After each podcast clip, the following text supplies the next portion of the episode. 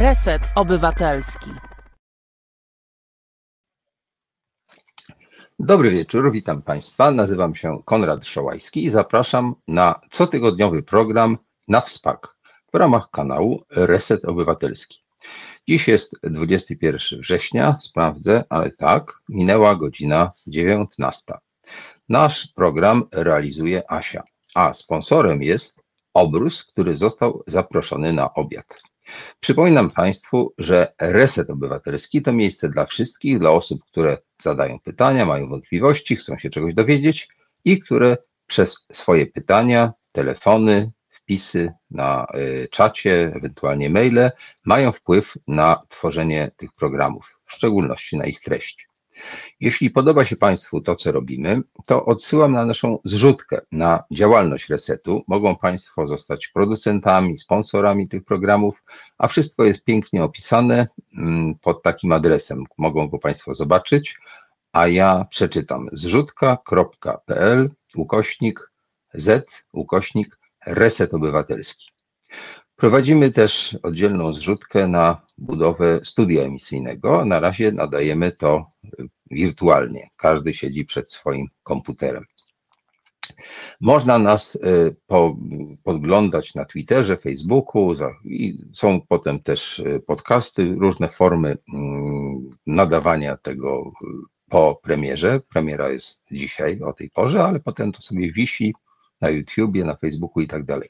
No i zachęcam do lajków, do subskrypcji, do słuchania podcastów i obserwowania nas i przede wszystkim podawania informacji o tych programach dalej, po to, żeby inni też się dowiedzieli, że można ciekawych rzeczy się dowiedzieć właśnie.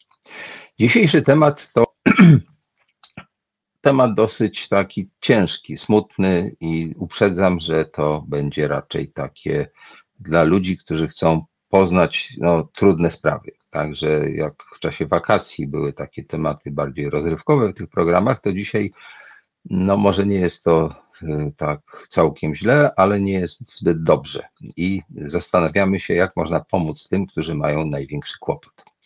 Więc temat jest taki: tragiczna sytuacja, sytuacja prawników w Afganistanie. No i pytanie, jak można im pomóc.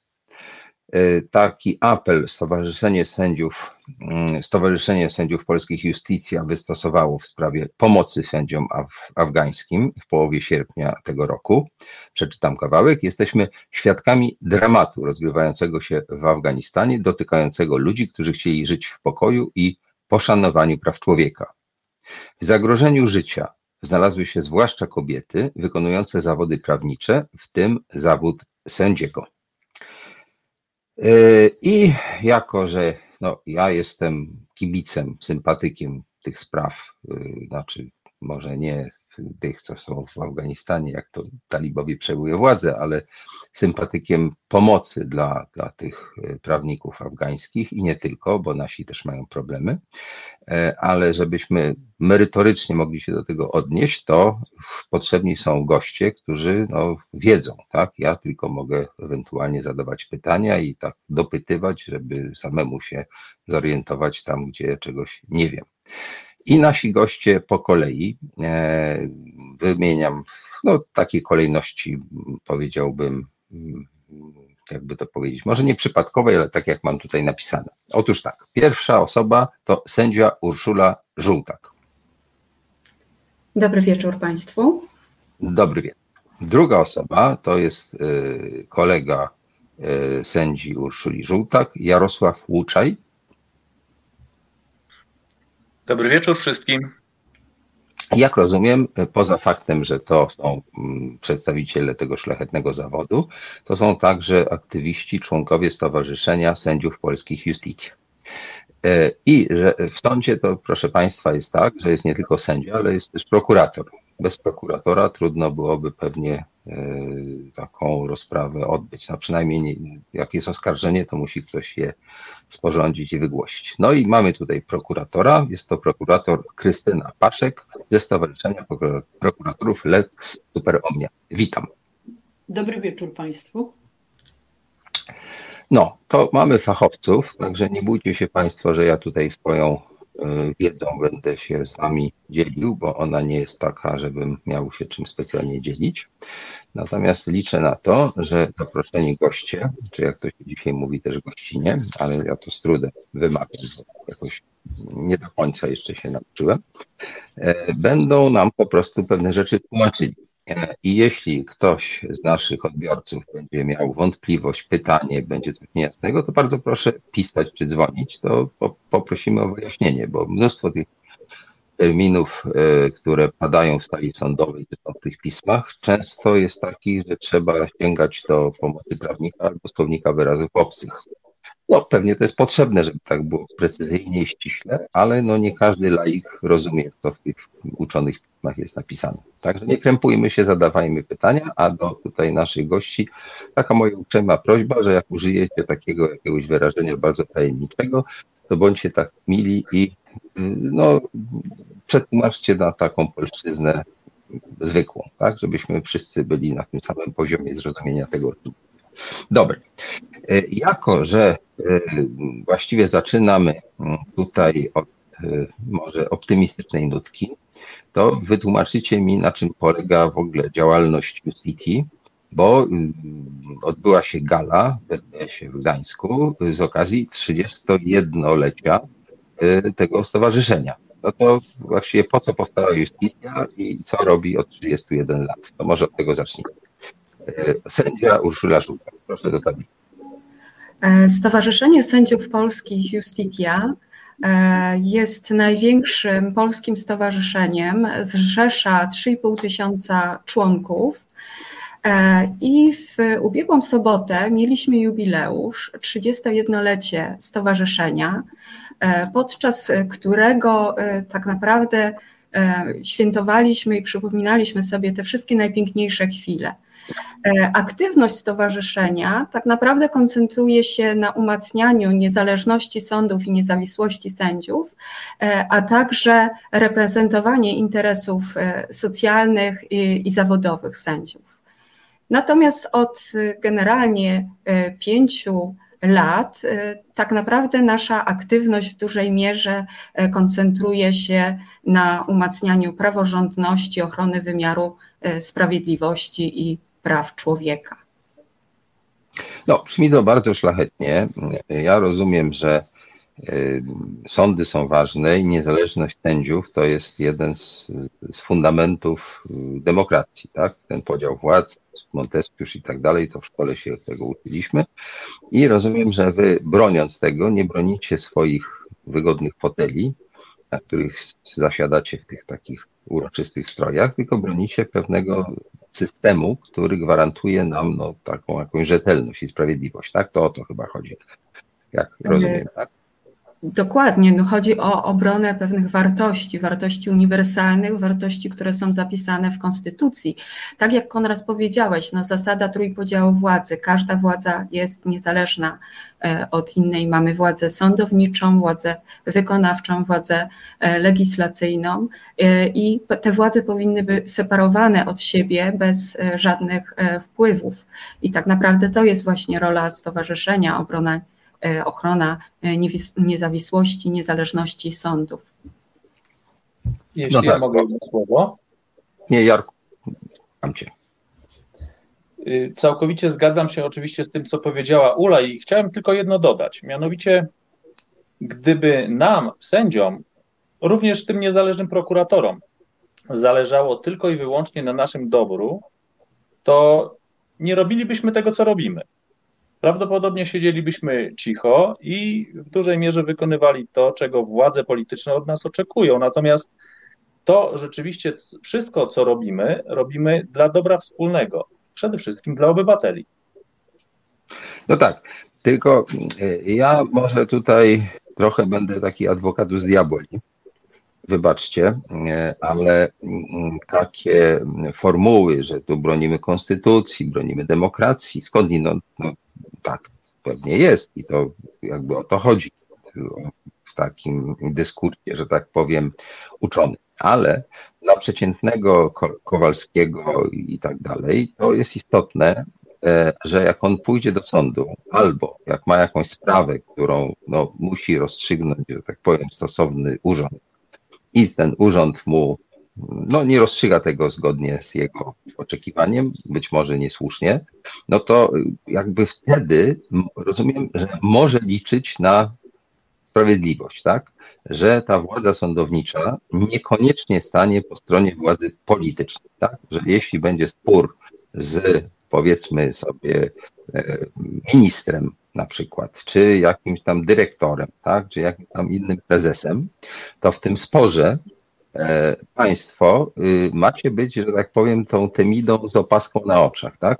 E, po to, żeby ten Kowalski no, nie miał sytuacji takiej, y, no jak to było kiedyś, tak? Bo kiedyś tak było, że król był jednocześnie, e, że tak powiem, władzą wykonawczą, sądowniczą, no pod każdą, tak? Poddani mogli co najwyżej powiedzieć, drogi królu, wasza królewska mość, czy tutaj możemy liczyć na jakąś sprawiedliwość, tak? E, I ten król wszystko rozstrzygał, tak? Było przez te lat, może nawet i tysiące. I w zasadzie to, o czym my tutaj mówimy, to się chyba gdzieś urodziło w XVIII wieku dopiero, tak? Ten system gdzieś tam zaczął od czasów rewolucji francuskiej funkcjonować. Ale czy możecie podać przykład taki, który by przekonał tego Kowalskiego, że jemu się opłaca jakby występować w waszej obronie, tak? Że tak naprawdę to jest jego interes, że jeśli wam założą na ręce takie jakieś różne ograniczenia i nie będziecie mogli robić tego tak, jak wam sumienie y, każe, no to wtedy ten Kowalski też w którymś momencie dostanie po głowie. Możecie mi podać jakiś przykład? Jarek. E, to znaczy, E, tak naprawdę każdy z nas, każdy obywatel może znaleźć się e, w sądzie, trafić do sądu e, na przykład jako powód w sprawie cywilnej, czy też strona w postępowaniu administracyjnym, albo chociażby znaleźć się w podobnej sytuacji jak kierowca Cinquecento, który zderzył się z limuzyną rządową. I każdy zasługuje na to, aby jego sprawa była rozpoznana przez niezależny sąd to znaczy sąd, który rozstrzyga sprawę zgodnie z przepisami prawa, z konstytucją i w oparciu o własne sumienie. A natomiast bez jakichkolwiek wpływów zewnętrznych. A te wpływy zewnętrzne, no, w zderzeniu państwo-obywatel, e, tak naprawdę obywatel jest bezbronny. Jeżeli sprawy nie rozstrzyga niezawisły sędzia, to praktycznie obywatel nie miałby żadnych szans. Jarku, czy chcesz coś dodać? Y, chyba dobrym przykładem w tym względzie, mm, o co pytał Konrad, będzie na przykład kwestia spraw, które toczyły się w sądach w związku z obostrzeniami tak zwanymi covidowymi. Na przykład udział y, w manifestacjach, które według policji były nielegalne. Okazuje się, że gro przypadków y, to jednak sądy uniewinniają takie osoby. To chyba taki najbardziej jaskrawy w ostatnim czasie przykład. No dobrze, y, to tyle może sędziowie na razie. A jak jest prokuratorem? Czy prokurator powinien, tutaj zwracam się do Krystyny, być takim ramieniem władzy, bo ja pamiętam czasy znaczy nie pamiętam czasów stalinowskich, że było jasne, ale z filmów, z literatury, prawda, prokurator w czasach e, takich gdzieś tam koniec lat 40., początek 50., to był takim ramieniem władzy politycznej i służył głównie, znaczy nie głównie, no pewnie różne inne rzeczy też tam robili, ale w filmach to zwykle występuje ten prokurator jako taki potwór, który prześladuje akowców i różnych innych i w ogóle jest to bardzo zły, prawda? E, no potem to się zmieniło, po 89 roku już się całkiem zmieniło, ale właśnie, czy prokuratorzy dzisiaj e, mają e, jakby też taki kłopot jak sędziowie, jak to właściwie jest? Tutaj proszę Krystynę, żeby nam powiedziała parę słów. Głównym celem działania naszego Stowarzyszenia Niezależnych Prokuratorów Lex Super Omnia jest właśnie odpolitycznienie prokuratury, czyli uniezależnienie prokuratury od y, władzy politycznej, od każdej władzy politycznej. Ponieważ prokurator, który boi się władzy politycznej, który czeka na polecenia swoich przełożonych, którzy z kolei czekają na polecenia władz partyjnych czy, czy innych, nie może dobrze wykonywać swojej pracy. Nie działa w interesie obywateli, nie działa w interesie prawa. Chodzi nam o to, aby każdy prokurator mógł swoją, był niezależny i mógł swoją pracę wykonywać tak, jak pani sędzia powiedziała, jak, że musimy ją wykonywać zgodnie z własnym sumieniem, zgodnie z literą prawa, zgodnie z doświadczeniem. I dopiero wtedy obywatel może być pewny, że jego sprawy będą załatwiane y, czy sprawiedliwie w jego ocenie, tego nie wiemy, ponieważ każdy ma inne pojęcie sprawiedliwości. Tak jak na sali sądowej e, są dwie strony, jedna zawsze wychodzi niezadowolona, ale zawsze będzie to decyzja, e, jeżeli będzie to niezależny prokurator, to zawsze będzie to decyzja, e, która, którą podjął w oparciu o własne sumienie i o zasady prawa. No Chodzi tak. nam o to, żeby niezależny, niezale, żeby prokuratura nie tylko była niezależna od władz politycznych, ale była silna, bo tylko taka prokuratura może dobrze służyć społeczeństwu. No tak, i teraz, y, jak rozumiem, y, co jakiś czas się to zmienia, mianowicie y, łączy się lub rozdziela dwa urzędy. Jeden urząd to jest minister sprawiedliwości, minister konstytucyjny, Drugi urząd to jest prokurator generalny. Gdybyś mogła powiedzieć, ja mam oczywiście swoje zdanie w tej sprawie, ale jestem ciekaw Twojego. E, czy to dobrze, czy źle, że to najpierw rozdzielono, a potem znowu połączono te dwa urzędy? To również jest jednym z e, naszych celów rozłączenie tych dwóch funkcji ministra sprawiedliwości i prokuratora generalnego, ponieważ polityk nie może być naszym przełożonym nie może być prokuratorem generalnym, a minister sprawiedliwości jest politykiem. I no tak, zawsze i to utrudnia zachowanie niezależności, tak. prawda? No tak, czyli to tak. Tak. No, znaczy, y, patrząc na to, co się dzieje, bo rozumiem, że to nastąpiło w roku 2015, chyba to ponowne połączenie, no to od sześciu lat y, jest tak, że to jest ta sama osoba. No, ale prokuratury różnie działają. Nie ma jakby jedno, znaczy w momencie, kiedy sprawa trafia do prokuratury, to w jednych wypadkach są takie prokuratury, może nie używajmy tutaj nazwisk, czy nawet tych nazw miast, ale to wszyscy wiedzą, że w pewnych miastach te prokuratury są takie bardziej, powiedziałbym, spolegliwe czy przyjazne dla władzy, a w innych takie bardziej niezależne, prawda? E, I jakoś to tak jest, że mimo połączenia tych urzędów, E, no, z tymi prokuratorami to, to, to, nie jest tak prosto. Znaczy, ta władza to nie, nie do końca może tym telefonem jakby nakazać. Tak? Jak, jak to jest w ogóle możliwe, że, że, że tak jest? W prokuraturze funkcjonuje system hierarchicznego podporządkowania. I to prokurator e, generalny, minister sprawiedliwości decyduje o obsadzie najważniejszych funkcji w prokuraturze i wtedy najłatwiej jest wydawać polecenia polityczne poprzez tych funkcjonariuszy, poprzez osoby, które zajmują kierownicze stanowiska w prokuraturze. I te osoby z kolei mogą wydawać polecenia swoim podwładnym. Nie wszyscy chcą je wykonywać zgodnie z poleceniami, z oczekiwaniami władzy. E, no i wtedy spotykają te osoby represje. Mamy tego przykład. W ostatnim czasie, nawet w ubiegłym tygodniu, dwie osoby zostały, e, można powiedzieć, zesłane do, do innych jednostek prokuratury mm, tylko z powodu przynależności do e, naszego stowarzyszenia, bo innych powodów nie było. No tak, to są te słynne takie delegacje, daleko od miejsca zamieszkania, daleko od rodziny i tak dalej, tak? To jest Nazywamy ta, no... to zesłaniem, tak. No tak, tak, tak. Jasne. Yy, no dobrze, to już mniej więcej myślę, że mamy jasność, jeśli chodzi o sytuację w Polsce, aczkolwiek yy, sytuacja w Polsce może nie jest idealna. No, rozumiem, że wy się z tym stanem rzeczy jakoś nie zgadzacie i chcielibyście, żeby to było troszkę inaczej, ale i tak jest dużo lepiej niż gdzie indziej. zdarzają się państwa, gdzie no, polska sytuacja wydaje się wręcz idealna, prawda? W porównaniu z tym, co się dzieje w tej chwili w Afganistanie.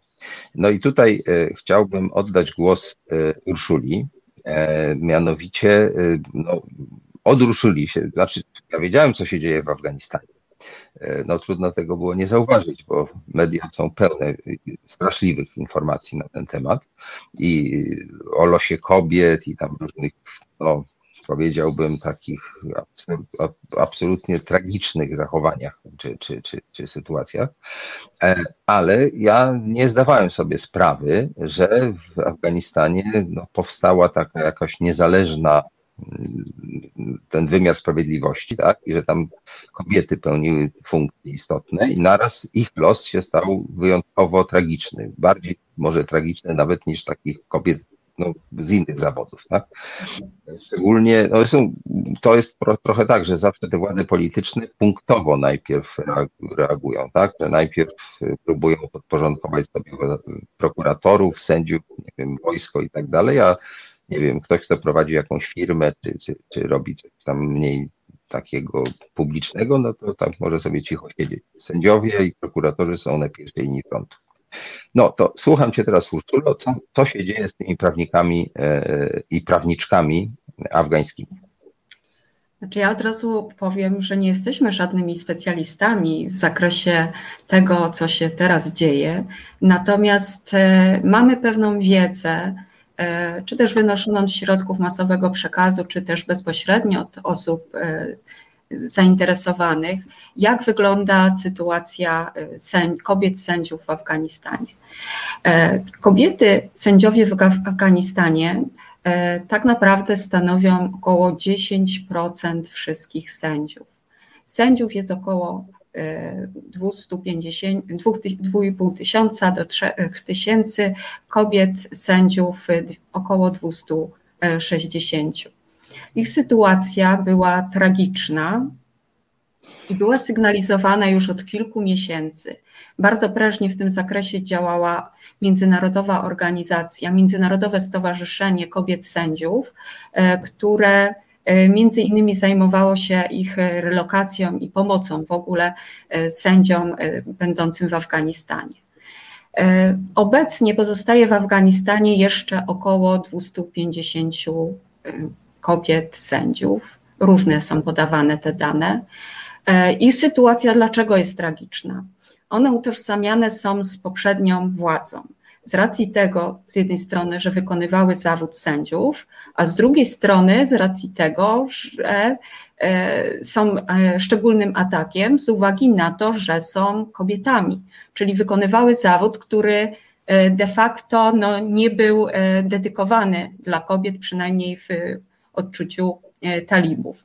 Chociaż ja muszę powiedzieć, że z tego, co rozmawiałam, e, to mm, od dawna kobiety w Afganistanie wykonywały e, zawód w ogóle sędziego od ponad 50 lat, więc generalnie no, to jest kraj, w którym ten zawód jest relatywnie popularny wśród kobiet. Natomiast jak wygląda dzisiaj sytuacja? Sędziowie mm, ci, którzy zostali, e, ich domy są e, oznaczane przez talibów, e, są przeszukania w tych domach, są zabierane im paszporty. Tak naprawdę boją się mieszkać często w tych domach, ukrywają się. I to jest ogromny problem, ponieważ tak naprawdę w dalszym ciągu są potrzebne jakieś działania, aby móc pomóc właśnie tym sędziom, którzy jeszcze w Afganistanie się znajdują szczególnie sędziom kobietom. Y, jak rozumiem, y, jest takie nagranie, które pewnie będziemy mogli pokazać. Dobrze rozumiem, Urszulo, że ten klip taki, który y, pokazuje, co sędzia musi zrobić, żeby jakoś. Ja, ja myślę, że to nie jest klip, który pokazuje, co sędzia musi zrobić, ale pokażmy ten klip. Jest... Dobrze, ty wytłumaczyć, co to jest, bo ja się nie będę Dobrze. tutaj wymączał. Dobra. Powiem szczerze, jak zobaczyłam pierwszy raz ten klip właśnie pokazany mi przez panią sędzię z, z Afganistanu, nie za bardzo rozumiałam, co ona e, robi. I dopiero e, zaczęła mi tłumaczyć, że w momencie, kiedy dowiedziała się, że talibowie wkraczają e, do, do Kabulu, postanowiła zniszczyć wszystkie swoje orzeczenia, czyli te orzeczenia, w których figurowało jej imię i nazwisko, po to, aby nie pozostał jakikolwiek ślad, że ona jest, czy była sędzią. E, I. Tak, tak, słuchaj. O, już I... idzie to. Możesz dalej mówić. Dokładnie. E, pamiętam, że znajomi, którzy e, oglądali pierwszy raz ten film, pytali się, bo to jest króciuteńki filmik, właściwie niecałą minutę trwa, pytali się, ale y, gdzie tu jest problem? Czy dlatego, że nie ma niszczarki? Ja mówię nie, nie dlatego, że sędzia siedzi na podłodze i to wszystko niszczy, tylko dlatego, że chce zatrzeć jakikolwiek ślad po sobie, że wykonywała zawód sędziego, bojąc się o własne życie, bojąc się o życie swoich najbliższych. Bo tak naprawdę ci sędziowie nie tylko boją się o własne życie, ale przede wszystkim o swoje rodziny. E, bo rodziny w ich pojęciu to nie jest taka wąska komórka kilkuosobowa. To są naprawdę e, rodziny składające się z dalszych, bliższych, krewnych e, i tak naprawdę większość z tych osób, przynajmniej z dalszych członków rodziny w kraju została i w dalszym ciągu jest narażona na niebezpieczeństwo. No tak, czyli y, oglądamy coś, co widać na ekranie ręce kobiety, która drze jakieś papiery. To jest w zasadzie nie bardzo zrozumiałe bez Twojego komentarza. A z Twoim komentarzem, no to wychodzi na to, że jesteśmy świadkami no, takiej rozpaczliwej próby ukrycia się, tak?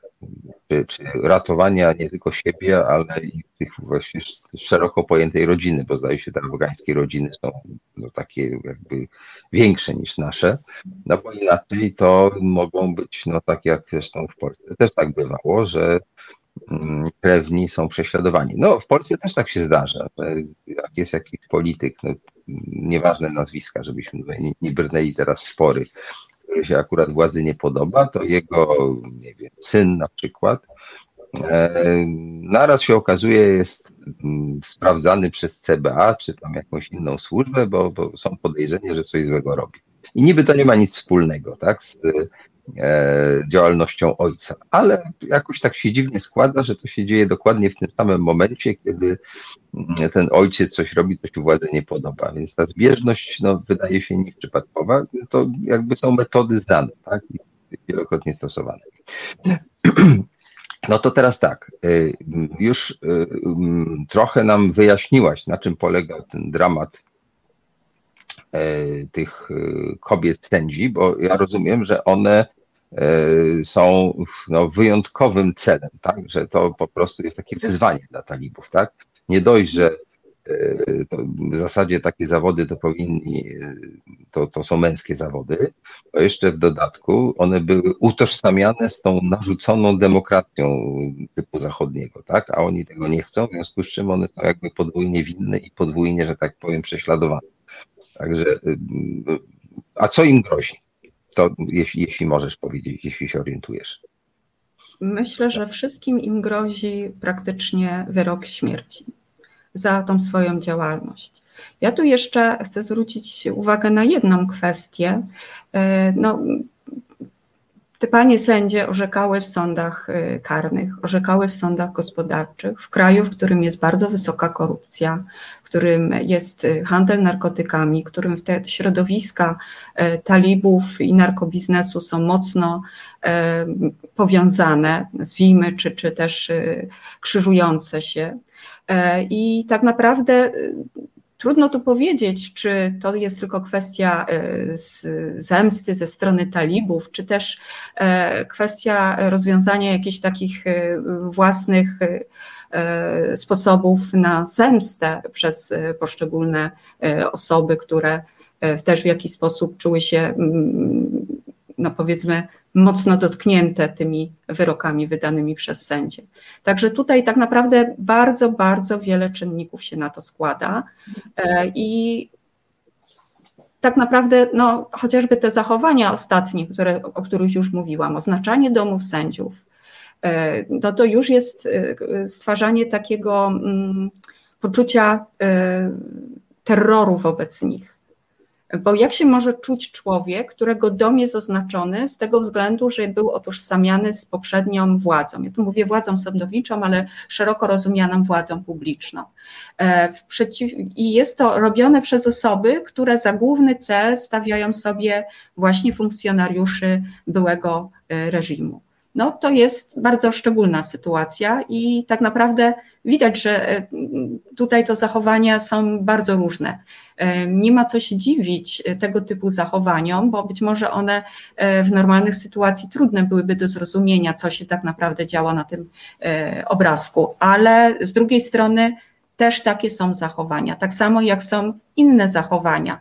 Chociażby mówiliśmy tutaj o Gali mm, chwilę wcześniej, jubileuszu e, Justiti. E, tam jedna z pań sędzi przedstawiała swoją historię bardzo dramatyczną, opowiadała właśnie jak wygląda życie kobiet w Afganistanie, kobiet sędziów w Afganistanie oraz naświetliła ten problem, zwracając się do społeczności międzynarodowej z prośbą o pomoc. I to nie chodzi tylko o pomoc materialną, ale także tą pomoc właśnie w mm, zapewnieniu im, e, tym, które znajdują się w dalszym ciągu w Afganistanie, rzeczywistej pomocy w jakiejś ewakuacji, a z drugiej strony e, także tym, którym udało się już ewakuować, pomocy w zapewnieniu jakiegoś e, normalnego bytu tutaj.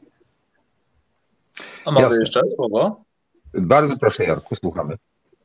Y, Ula powiedziała o tym rzeczywiście, że w obecnym Afganistanie kobietom sędziom grozi szczególne niebezpieczeństwo. Tak, ale pamiętajmy też o jednym, że one już wykonując dotychczas wcześniej swoją pracę, były narażone na takie niebezpieczeństwo, bo nie, nie były wcale wyjątkiem sytuacje, kiedy dokonywano zamachów na kobiety y, sędzie, kiedy dokonywano y, porwań, zabójstw. Także wtedy już ta praca była dla nich trudna i fakt, że one się jej podjęły, no to już było wyjątkowe, był to wyjątkowy przejaw odwagi. Natomiast teraz no, grozi im niebezpieczeństwo, powiedziałbym, strukturalne, bo ze strony władz obecnego państwa.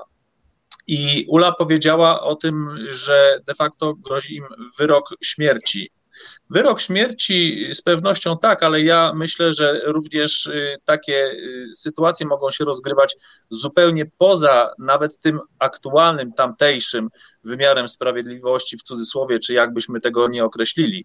Także mm, takie y, niebezpieczeństwo, realne niebezpieczeństwo grozi im w każdej chwili i trzeba zrobić wszystko, żeby to po prostu zmienić.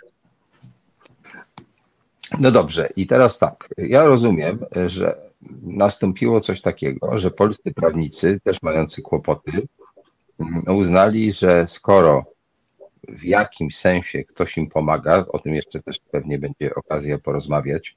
Marsz Tysiąca Tuk pięknie to pokazał, ten film, który był prezentowany w WCS-ie. Ale co Państwo robią?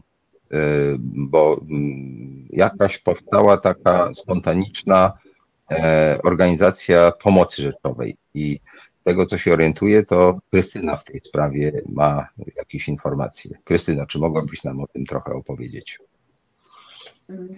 Gdy w mediach pojawiły się y, na początku sierpnia pierwsze informacje o y, przyjeździe uchodźców z Afganistanu, razem z moimi przyjaciółmi, znajomymi członkami Lex Superomnia postanowiliśmy uruchomić e, zbiórkę odzieży, zbiórkę e, rzeczy, które są potrzebne uchodźcom. Jeszcze wtedy nie było wiadomo, kiedy uchodźcy przyjadą, do jakich ośrodków, gdzie zostaną umieszczeni. Byliśmy cały czas w kontakcie, zbieraliśmy te rzeczy na wypadek, gdyby okazało się, że należy tej pomocy udzielić tym ludziom natychmiast. Mm, na terenie Podkowy Leśnej w Dębaku, czyli tutaj niedaleko Grodziska Mazowieckiego, gdzie, gdzie mieszkam i gdzie pracuję, znajduje się ośrodek dla uchodźców i e, jest to ośrodek o charakterze recepcyjnym, czyli to, to jest ośrodek, z którego, mm, którym, mm, z którego uchodźcy mogą wychodzić, e, mogą swobodnie się przemieszczać. E, I spodziewaliśmy się, że niebawem ci uchodźcy się pojawią właśnie w tym ośrodku, dlatego 20 sierpnia pojechałam do ośrodka i tam rozmawiałam z administracją Dębaka.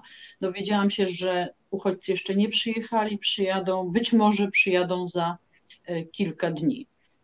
E, I mm, w tym samym czasie burmistrz Podkowy Leśnej, e, na terenie które, której znajduje się Dębak, również rozpoczął rozmowy z Urzędem do Spraw Uchodźców, mm, z administracją Dębaka, był z nimi w stałym kontakcie i dwa, trzy dni po mojej wizycie w Dębaku przyjechali uchodźcy, było ich e, wówczas e, około 50, było 55 osób i 24-25 sierpnia e, burmistrz Podkowy zorganizował wielką zbiórkę rzeczy potrzebnych uchodźcom. Zbieraliśmy przede wszystkim artykuły higieniczne, pampersy, mm, jedzenie dla dzieci, ponieważ odzież y, nie była w tym czasie potrzebna, oni y, te potrzeby mieli zabezpieczone, natomiast były potrzebne artykuły y, właśnie higieniczne, były potrzebne, był potrzebny sprzęt gospodarstwa domowego, jakieś czajniki, suszarki czy żelazka. Zbiórka przerosła oczekiwania i okazało się, że tych rzeczy jest dużo więcej niż potrzeba w Dębaku. E, te rzeczy zostały zinwentaryzowane i e, Urząd do Spraw Uchodźców i administracja Dębaka obiecała e, przewieźć te rzeczy do innych ośrodków, w których były pilne potrzeby.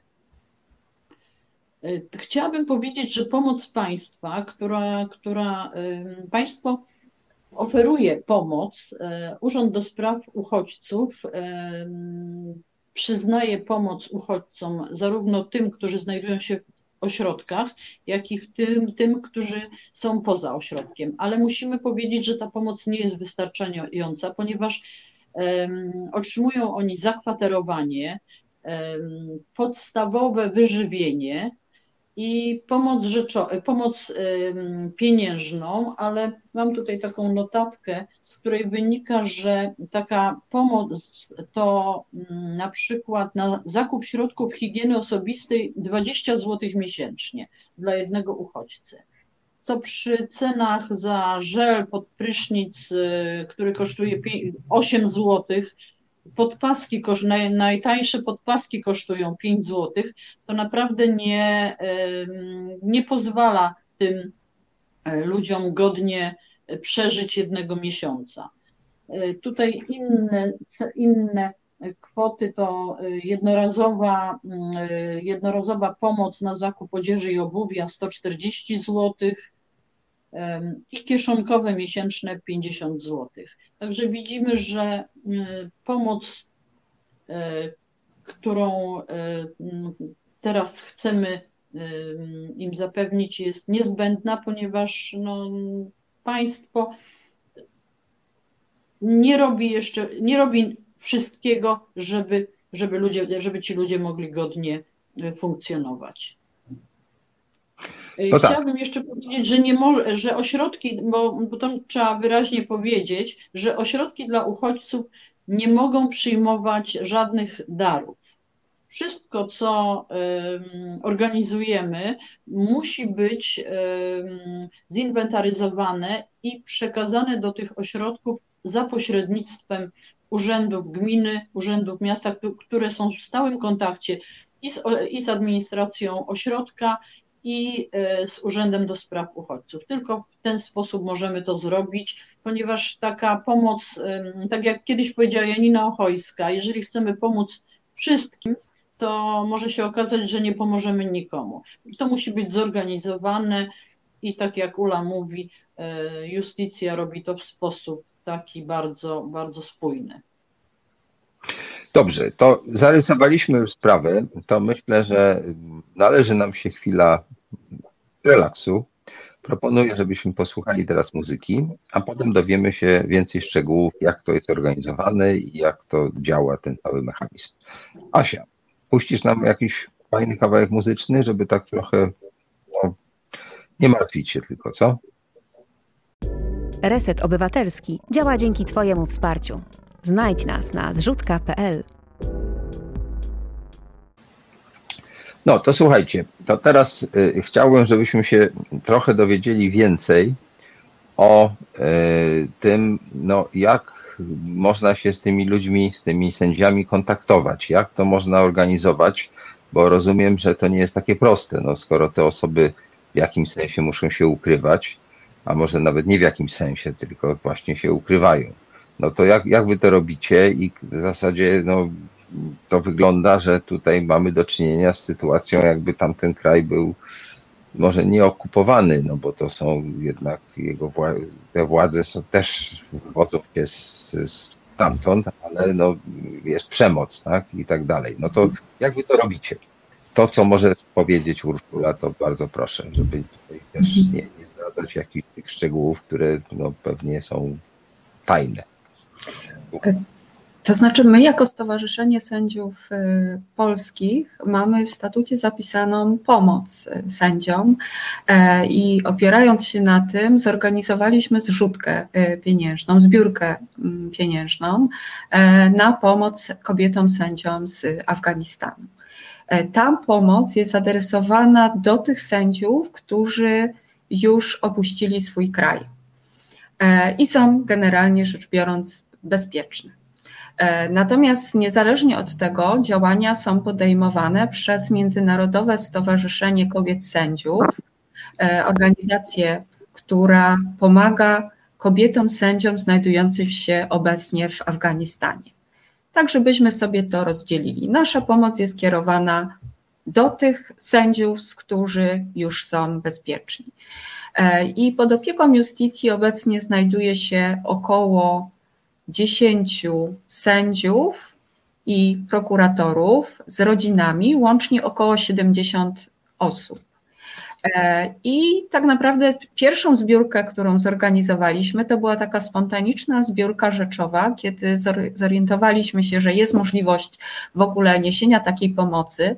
To była zbiórka zorganizowana w ramach oddziału warszawskiego praktycznie ekspresowo. E, I pamiętam, że wtedy mieliśmy, miałyśmy, bo pojechałyśmy tam z koleżanką, sędzią Edytą Bronowicką. Miałyśmy jechać e, jeszcze z e, koleżanką Krysią, ale tak się złożyło, że nie mogłyśmy we trzy pojechać. Jechałyśmy kilkaset kilometrów w jedną stronę, aby przekazać te najpotrzebniejsze rzeczy. Mówię, tu były ubrania głównie, odzież, środki higieniczne. E, I tak naprawdę od tego się zaczęło. Za chwilę później pojawiła się e, zbiórka już publiczna, e, na którą wpływają środki i oczywiście nie zaniechaliśmy jeszcze tych zbiórek takich rzeczowych, ponieważ no, proszę sobie wyobrazić, te osoby przyjechały praktycznie tak jak stały, bez absolutnie niczego. W jednych butach, właściwie w jednym ubraniu, nie zabierając absolutnie niczego żadnego majątku, nawet nie posiadając e, jakichkolwiek pieniędzy poza e, własnymi, to znaczy mówię tutaj walutą własną Afganistanu, więc bez jakiejkolwiek możliwości e, zrobienia czegokolwiek. I tak się właściwie to zaczęło. Później do pomocy włączył się Jarek i Krysia i tak naprawdę no, zaczęliśmy w miarę możliwości pomagać z tą pomocą rzeczową ale to może już też Jarek powie parę słów. To Jarku, prosimy. Słyszysz mnie? Bo nie wiem, czy mamy łączność przez ten internetowy komunikator. Y, otóż może zacznę od tego, że kiedy Urszula. Y, czy słyszymy cię? Tak. Tak, tak, teraz słychać dobrze. Proszę. No, ja, ja przede wszystkim to przepraszam, bo ja nadaję w bardzo polowych warunkach Teraz mnie słychać. Mam nadzieję, tak? że nie jesteś w Afganistanie. Nie, jestem y, trochę bliżej, aczkolwiek y, w Macedonii, na prowincji macedońskiej, stąd też te połączenia mogą być takie, jakie są, ale próbujemy nadal. Natomiast y, zacznę od tego, że kiedy Ula zatelefonowała i zapytała, czy przyłączymy się jako oddział radomski do tej akcji pomocy, no ja nie miałem żadnych wątpliwości, bo wyobraziłem sobie, co by było, gdybym ja nagle w zagrożeniu życia musiał opuścić Polskę i wylądowałbym na przykład w takiej powiedzmy Indonezji, a więc kraju zupełnie dla nas egzotycznym, odmiennym kulturowo pod każdym względem i religijnym, i obyczajowym, pod każdym.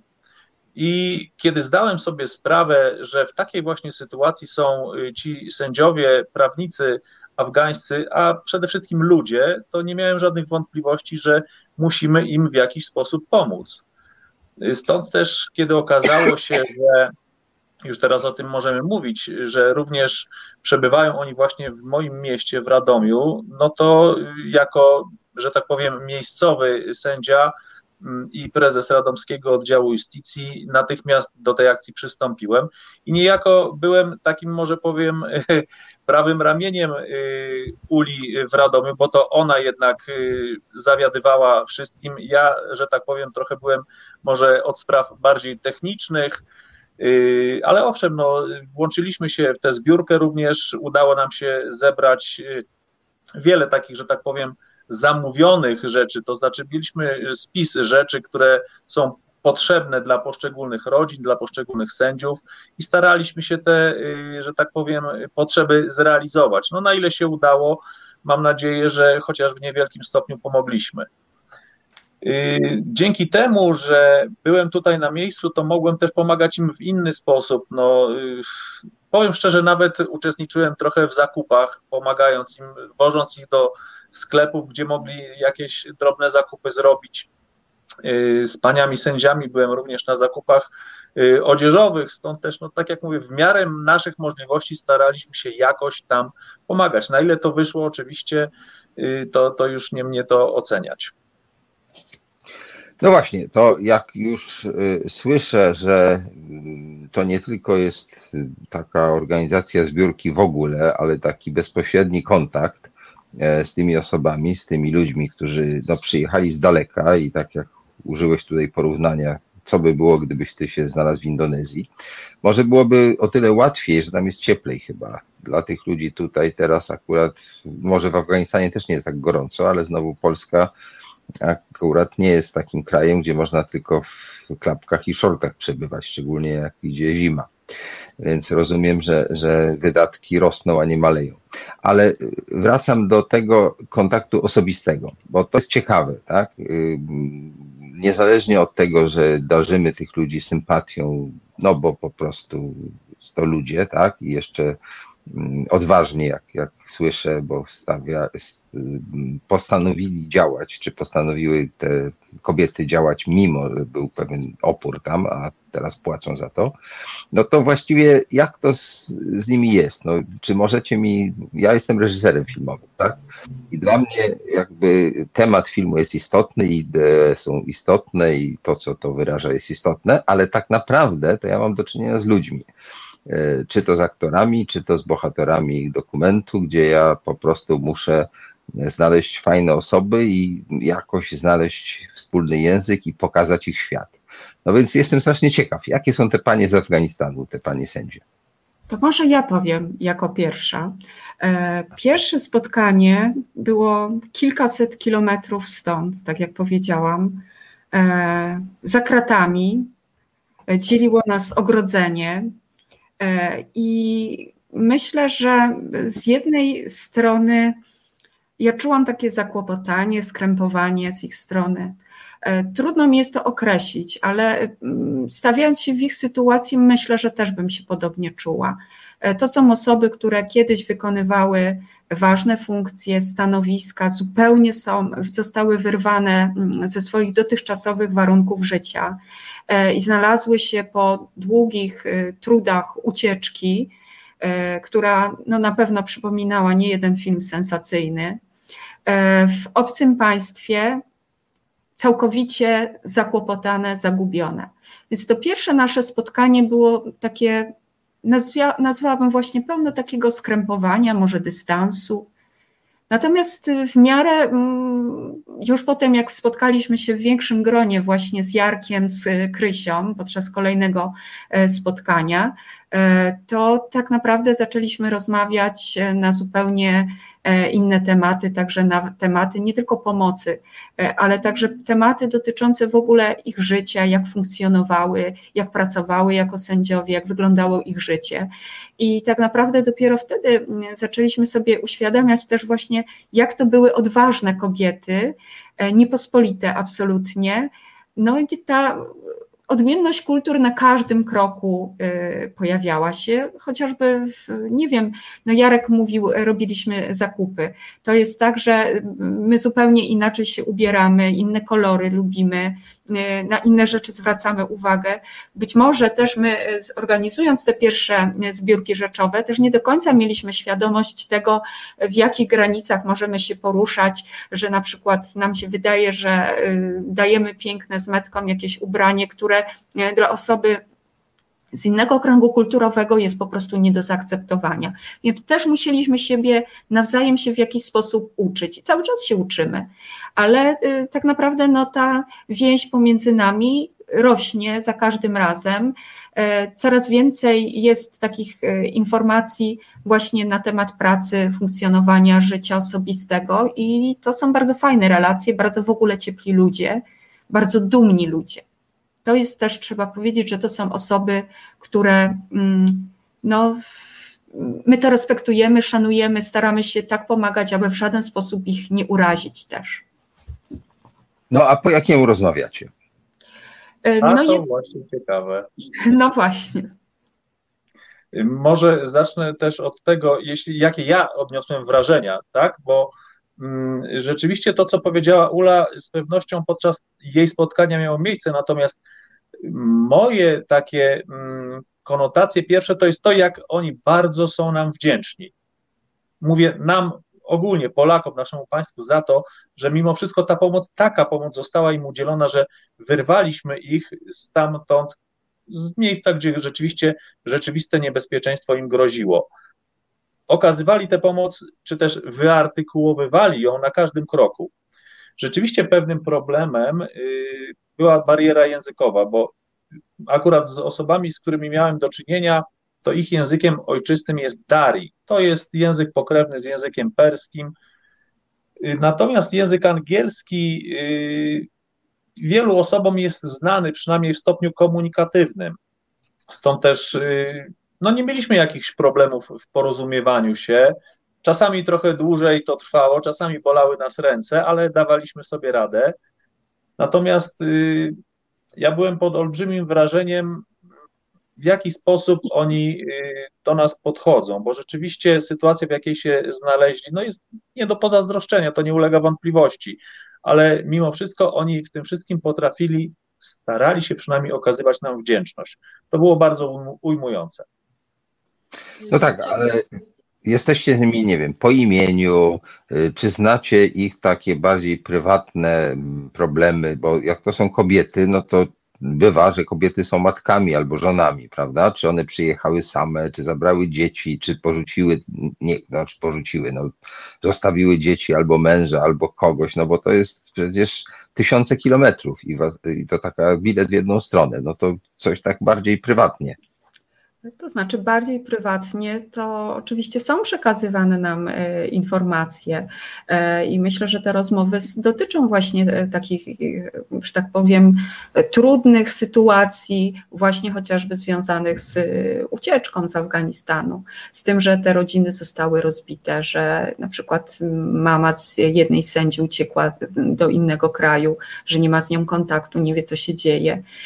Czyli tak naprawdę no, cały czas ten dramat. Oni mimo wszystko, że to są osoby, które doskonale korzystają z połączeń jakichś social mediów, to w gruncie rzeczy czasem z tymi właściwie najbliższymi członkami rodziny mają utrudniony kontakt. I to jest tak naprawdę dla nich ogromny problem. E, ale myślę, że, mm, no Krysiu, jakie ty miałaś wrażenie, bo, bo tak naprawdę my powiedzieliśmy wszyscy, a ty, ty nie powiedziałaś, jakie miałaś, jakie były twoje. Chciałabym jeszcze powiedzieć o tej barierze językowej. E, wiem, że wszystkie dokumenty, które e, są przekazywane uchodźcom, na przykład regulamin ośrodków dla uchodźców, czy wszystkie wnioski, które muszą składać w urzędzie do spraw uchodźców, są tłumaczone na język Darii, i na język pasztuński. Także tutaj z tej strony nie ma problemu, ale problem polega na tym, że oni nie bardzo rozumieją te procedury, oni nie bardzo wiedzą, jaki jest ich status, jaka, jaka, y, jaka jest ich sytuacja i czego mogą dalej oczekiwać. Myślę, że chyba największym ich problemem jest niepewność, co będzie z nimi dalej. E, bo ja też, y, ja miałam też takie wrażenie, że oni nas nie chcieli wypuścić, bo ta, ta, to spotkanie trwało wiele godzin, prawda? Ale gdybyśmy jakoś tak nie zakończyli tego spotkania, to, to, to oni mogliby z nami jeszcze spędzić jeszcze no, dużo więcej czasu. Myślę, że, że było im mało tego spotkania. E, to znaczy, ja tu się absolutnie zgodzę z Krysią. E, ja myślę, że w ogóle na przykład to pierwsze nasze spotkanie jeszcze z sędzią e, Edytą Bronowicką było dlatego takie pełne emocji, bo oni pierwszy raz zobaczyli osobę, która przychodzi do nich, my się przedstawili, poznałyśmy, poinformowałyśmy wcześniej, że jesteśmy e, także sędziami, sędziami polskimi.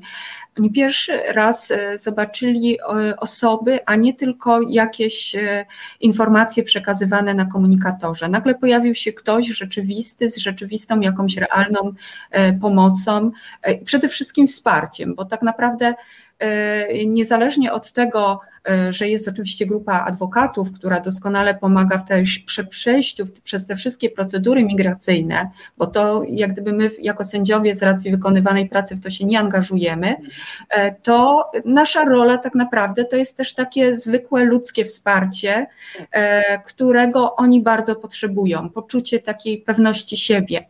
To są osoby, mm, no, przede wszystkim szalenie inteligentne, to, co Jarek tu powiedział, ta bariera językowa jest. My tak naprawdę nie z każdą osobą możemy porozmawiać na takim stopniu, e, w jakim byśmy e, chcieli. To też jest e, z naszej strony problem. Ja tu nie mówię o kwestii komunikacji w języku angielskim, po prostu nie wszystkie osoby ten angielski znają. I to jest moim zdaniem taki dosyć istotny problem. Natomiast E, niezależnie od tej bariery językowej, to przecież mamy jakąś tam komunikację niewerbalną, która w doskonały sposób pomaga nam się komunikować, e, w, przynajmniej na takim jakimś poziomie, że, że rozumiemy własne e, emocje, także to nie stwarza dla nas problemu. Natomiast no, trzeba powiedzieć, że my jesteśmy pod ogromnym wrażeniem ich, bo tak naprawdę to są osoby niezwykle inteligentne, o bardzo dużej sile charakteru przede wszystkim, o bardzo dużej odwadze. E, I ja wierzę, że to są osoby, które e, szybko się odnajdą, pomimo tego, to co powiedziałam na początku, tego początkowego ich, e, początkowej być może dezorientacji, a może to było moje takie subiektywne odczucie, że są, no jak gdyby nie przywykły jeszcze do tej sytuacji, w której się znalazły, natomiast teraz widać, że to krok po kroku zmierza coraz szybciej.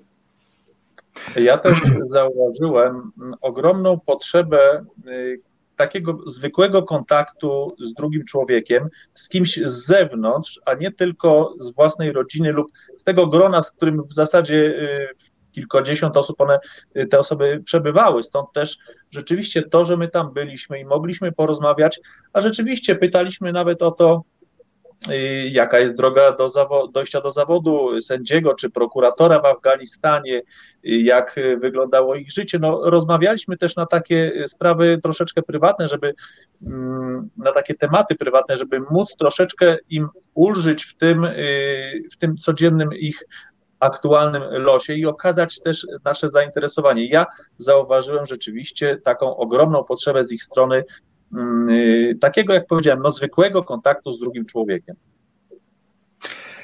A jestem ciekaw, jeśli mogę Wam tutaj coś najpierw podpowiedzieć, a, a, a Wy może mm, pokażecie, czy, czy podsuniecie jakieś swoje własne spostrzeżenia.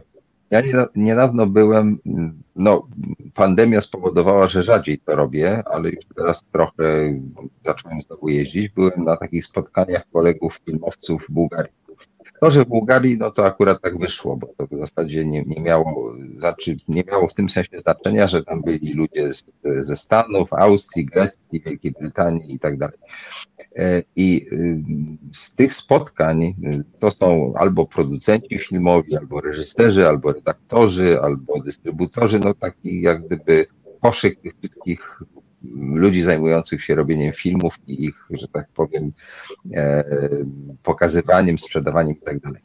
To, to, co jest fajne i, i, ja dosyć lubię te spotkania nie tylko dlatego, że tam załatwiam, no jeżdżę po to, żeby załatwić, ale także mm, jest y, w tym coś fajnego, że e, ludzie tych branż, tej branży szeroko pojętej, mają, oczywiście są pewne różnice, no bo to Stany to jednak jest ogromny rynek i tak dalej, Polska jest taka średnia, nie jest najmniejsza, Bułgaria jest pod tym względem mniejsza, ale istnieje pewnego rodzaju takie szybkie porozumienie. To znaczy, pewne rzeczy mamy podobne, pewne zachowania podobne, i tak naprawdę ten czynnik ludzki i pewnego rodzaju ten kontakt, właśnie przez pandemię dosyć utrudniony, że tylko mogliśmy przez wiele miesięcy spotykać się tak, jak my się tutaj spotykamy, e, to, to, to że możemy pójść na kieliszek winna i tak sobie pogadać i, i, i, i o różnych sprawach, ale, ale zawsze gdzieś tam te, te, te, ten film jest tym wspólnym mianownikiem.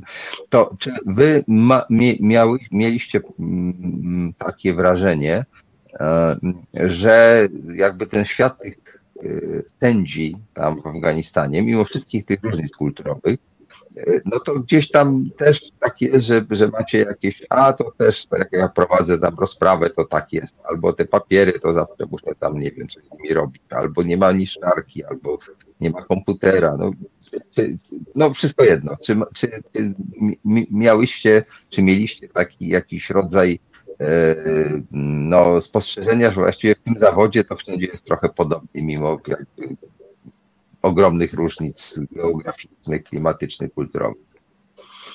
Ja oczywiście. Pamiętam właśnie, jak e, rozmawiałam e, na temat e, procedur uzyskiwania wizy. Jedna pani sędzia zaczęła pytać mnie o szczegóły i, i prosić o pomoc. Ja od razu powiedziałam to, co już też tutaj mówiłam, że tak naprawdę jest zupełnie dodatkowo grupa adwokatów, która pomaga. Ja mówię, bo my sędziowie nie możemy udzielać porad prawnych, nie możemy angażować się w taką pomoc e, prawną. Typowo ona powiedziała, tak, my tak samo, my tak samo mamy. Czyli właściwie zupełnie inne kraje, a pewne, pewne mechanizmy są podobne. Nie pytałam jeszcze, jak wyglądały, wyglądały w ogóle rozprawy y, u nich, a myślę, że jest cała masa tematów takich, które e, są jeszcze bardzo ciekawe i, i warte y, rozmowy i być może znajdziemy większą, e, większe podobieństwa pomiędzy y, naszą pracą a ich pracą. Tak mi się wydaje. No dobrze, a te takie największe różnice, to znaczy to, co, bo używa, używacie takich y, terminów jak różnice kulturowe i te właśnie, że tam te kolory są inne, czy tam w ogóle jakieś inne stroje i tak dalej. Ale tak, ja, ja chciałem konkretnie, tak? No, z człowiekiem, to się obcuje w sposób bezpośredni. No to to było takie najbardziej uderzające. Może ja powiem. Kiedy ja rozmawiałem y, z tymi paniami, to okazywało się, że największym problemem.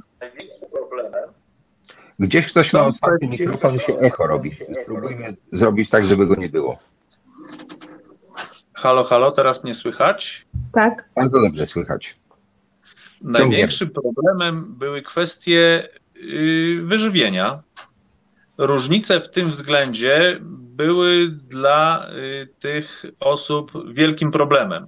I to nawet nie chodziło o kwestię żywności, że tak powiem, uwarunkowanej religijnie, czyli w ich przypadku halal, tylko w ogóle z zupełnie innymi, prawda, i sposobem przyprawienia, podania i nawet samych produktów. Także to zwracali uwagę rzeczywiście, kiedy pytałem, jak im się podoba, no to podkreślali, że te różnice szczególnie uwidaczniane są właśnie y, w kwestiach wyżywienia. Dla nich. Tak. No jakaś tragedia niestety się stała i to z dziećmi, zdaje się, które zjadły nie takie grzyby jak trzeba i chyba zmarły w ogóle. Tak, niestety to stało się właśnie w Dębaku. Prowadzone jest y, śledztwo w tej sprawie. Nie chciałabym mówić o szczegółach, ponieważ nie ja prowadzę, e, prowadzę to śledztwo i na, na, na razie, na tym etapie trudno jest, trudno jest wyciągać jakieś wnioski, chociaż uważam, że nadużyciem były różne doniesienia medialne, że uchodźcy byli głodni, i wyszli do lasu, żeby, żeby nazbierać grzybów i, i, i, i się zatruli.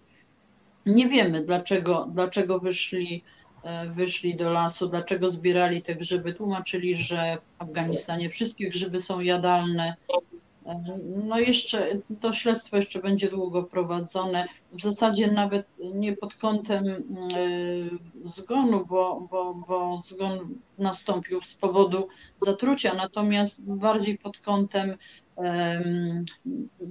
ewentualnego niedopełnienia obowiązków e, przez e, administrację ośrodka. Chodzi o, o, o wyżywienie.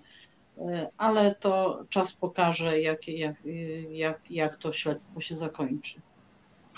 No dobrze, to słuchajcie, znowu posłuchamy przez chwilę muzyki, a potem będziemy dalej zastanawiać się, co w zasadzie można zrobić, e, jak w takich e, okolicznościach możemy funkcjonować. A także trochę może o polskich sprawach. To co, Asiu, puszczamy muzykę i potem wracamy do rozmowy.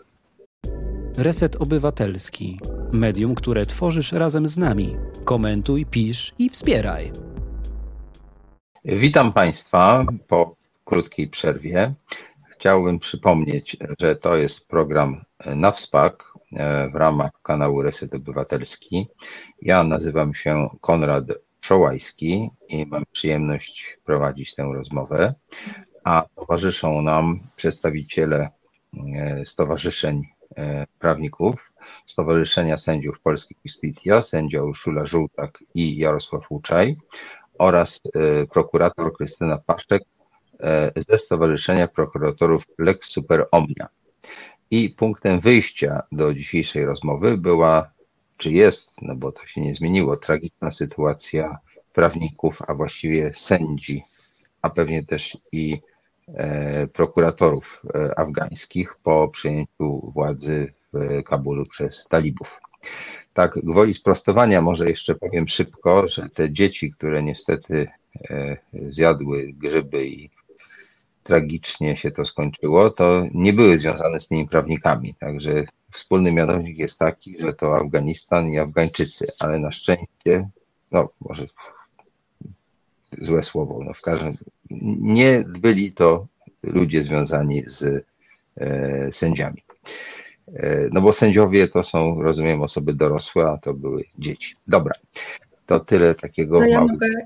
uściślenia. Słucham Cię, Urszula. E, to ja może jeszcze dodam, bo, bo w naszej grupie tych 70 osób to jest około 10 sędziów i prokuratorów z rodzinami, w A, tym 18, w tym 18 dzieci, e, więc e, dzieci mamy dużo. Natomiast faktycznie ta historia, którą opowiedziała Krysia i która była tak przedstawiana w środkach masowego przekazu o Dębaku, to oczywiście nie dotyczyła tej grupy dzieci sędziów, tylko no niestety innych osób, ale to też jest bardzo, bardzo przykra sytuacja, która się zdarzyła. Ja bym jeszcze parę słów powiedziała o tej e, pomocy bo tak tu wymieniliśmy e, Jarka, który był bardzo zaangażowany z oddziału radomskiego, ale w którymś momencie ta akcja e, trochę się rozszerzyła.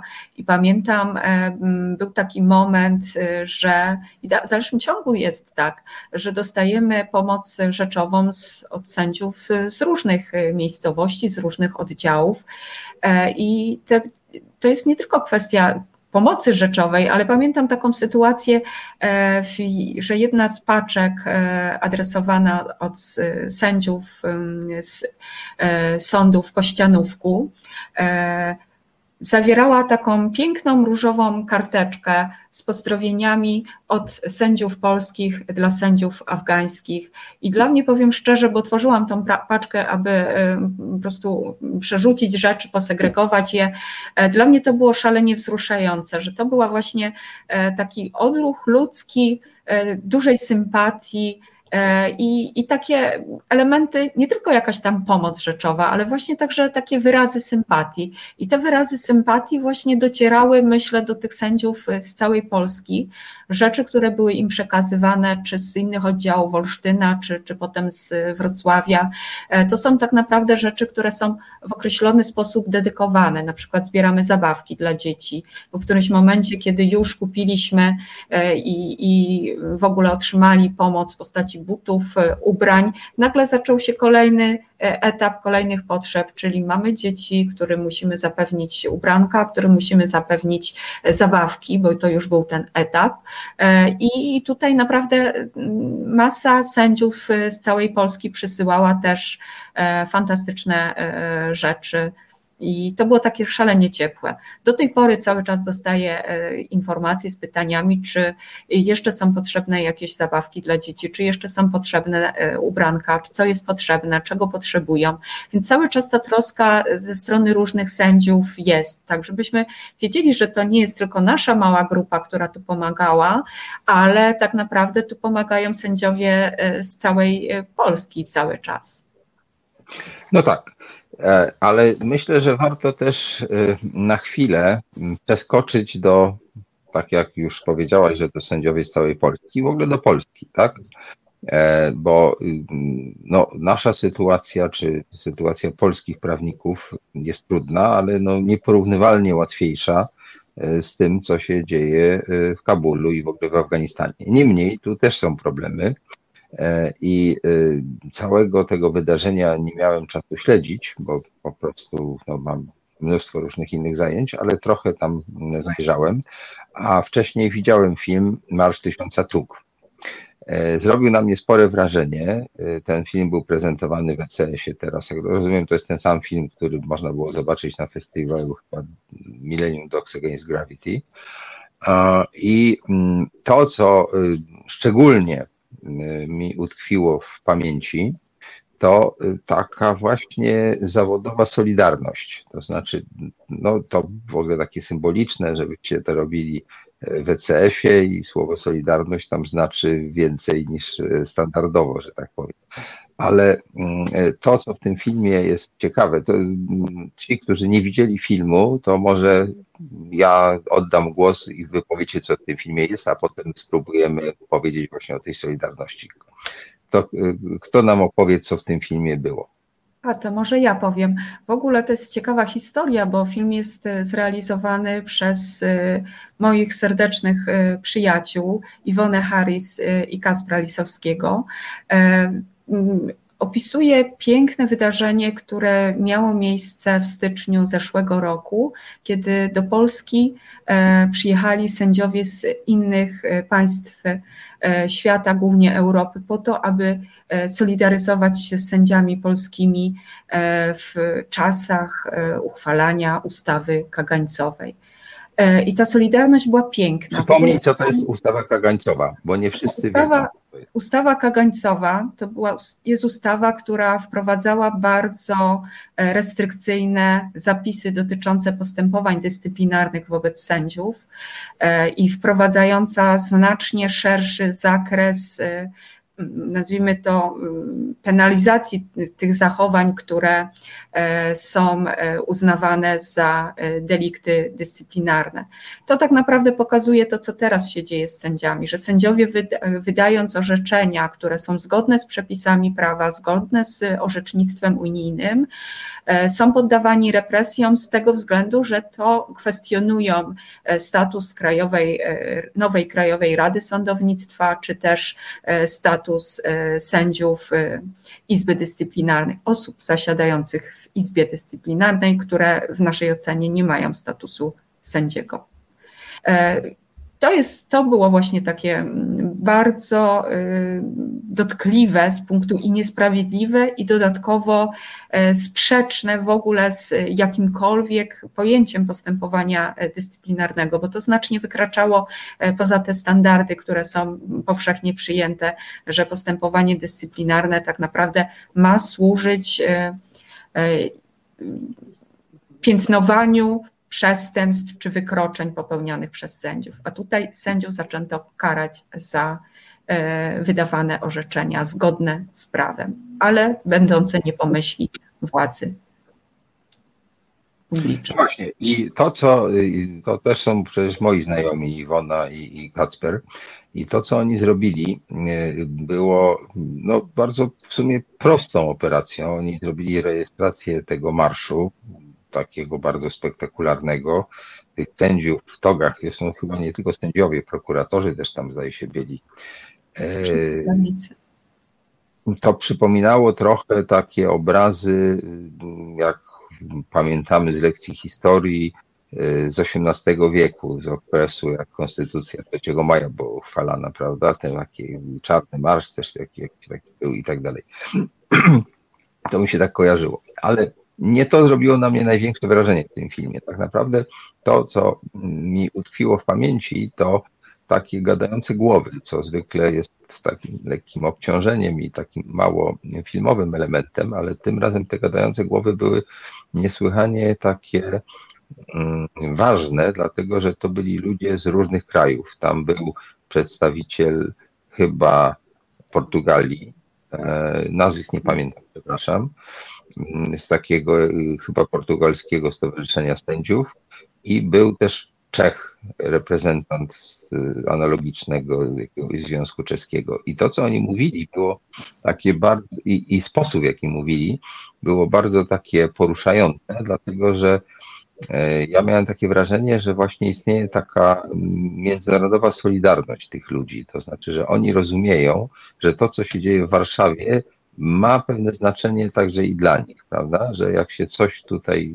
posypie w tym systemie niezależności e, i kiedy jesteśmy wszyscy w Unii, to ten konstrukt e, zacznie się chwiać, tak? I że to, mm, no tak jak się pali u sąsiada, tak? To trzeba gasić, bo, bo nasz dom też się może zapalić, tak? Chyba Czech takiego sformułowania użył.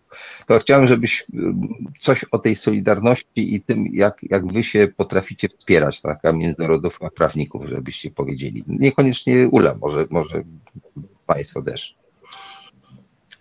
To może ja zacznę. E, pamiętam słowa tego sędziego z Czech. One naprawdę były jednymi z takich najbardziej wyrazistych i trafiających do wyobraźni. E, bo wszyscy zdajemy sobie sprawę z tego chyba, że to jest taki efekt domina. Jeżeli jedną e, kostkę, e, jedna kostka upadnie, to tak naprawdę może zawalić się cała konstrukcja.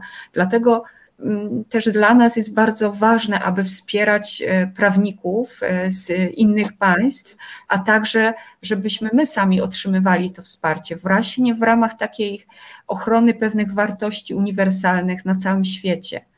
E, bo myślę, że bardzo łatwo e, popaść w taką sytuację, kiedy e, jeżeli te wartości zostaną gdzieś w jednym z krajów zniszczone, to tak naprawdę to, co sam powiedziałeś, to może się rozprzestrzenić na cały świat. Myślę, że bardzo fajne były te słowa bardzo mądre tego sędziego z Czech. Z całego filmu myślę, że to były jedne z najważniejszych i takich najbardziej obrazujących tak naprawdę po co E, z jednej strony my dbamy o własne interesy i o dobro drugiej osoby, ale właśnie też patrzymy przez pryzmat tego, co się u nas dzieje. Czyli robimy to coś dla innych, żeby im pomagać, ale także w trosce o to, aby nasze wartości, nasze zasady nie zostały kiedyś e, w przyszłości zniszczone. No właśnie, i to myślę, że bardzo dobrze, że taki film powstał i że można mieć takie świadectwo, że, że ci ludzie tacy właśnie jak, jak ci prawnicy z Portugalii czy Czech doskonale rozumieją. I, I to nie jest tak, że jesteśmy całkiem sami.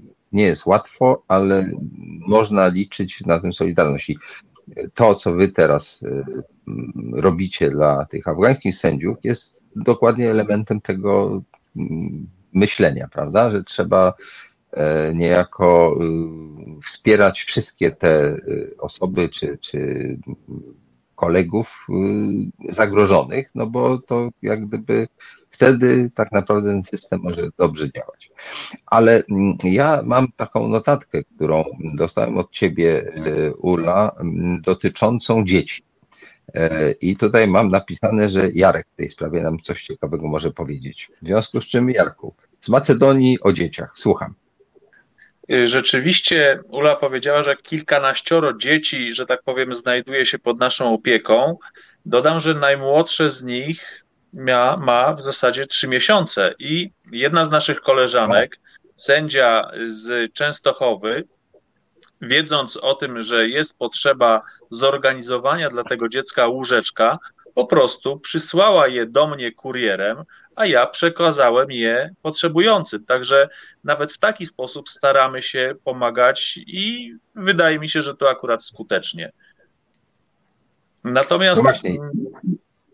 Skoro są dzieci, tylko... Y, zaczyna się rok szkolny, to może te dzieci powinny pójść do szkoły tutaj.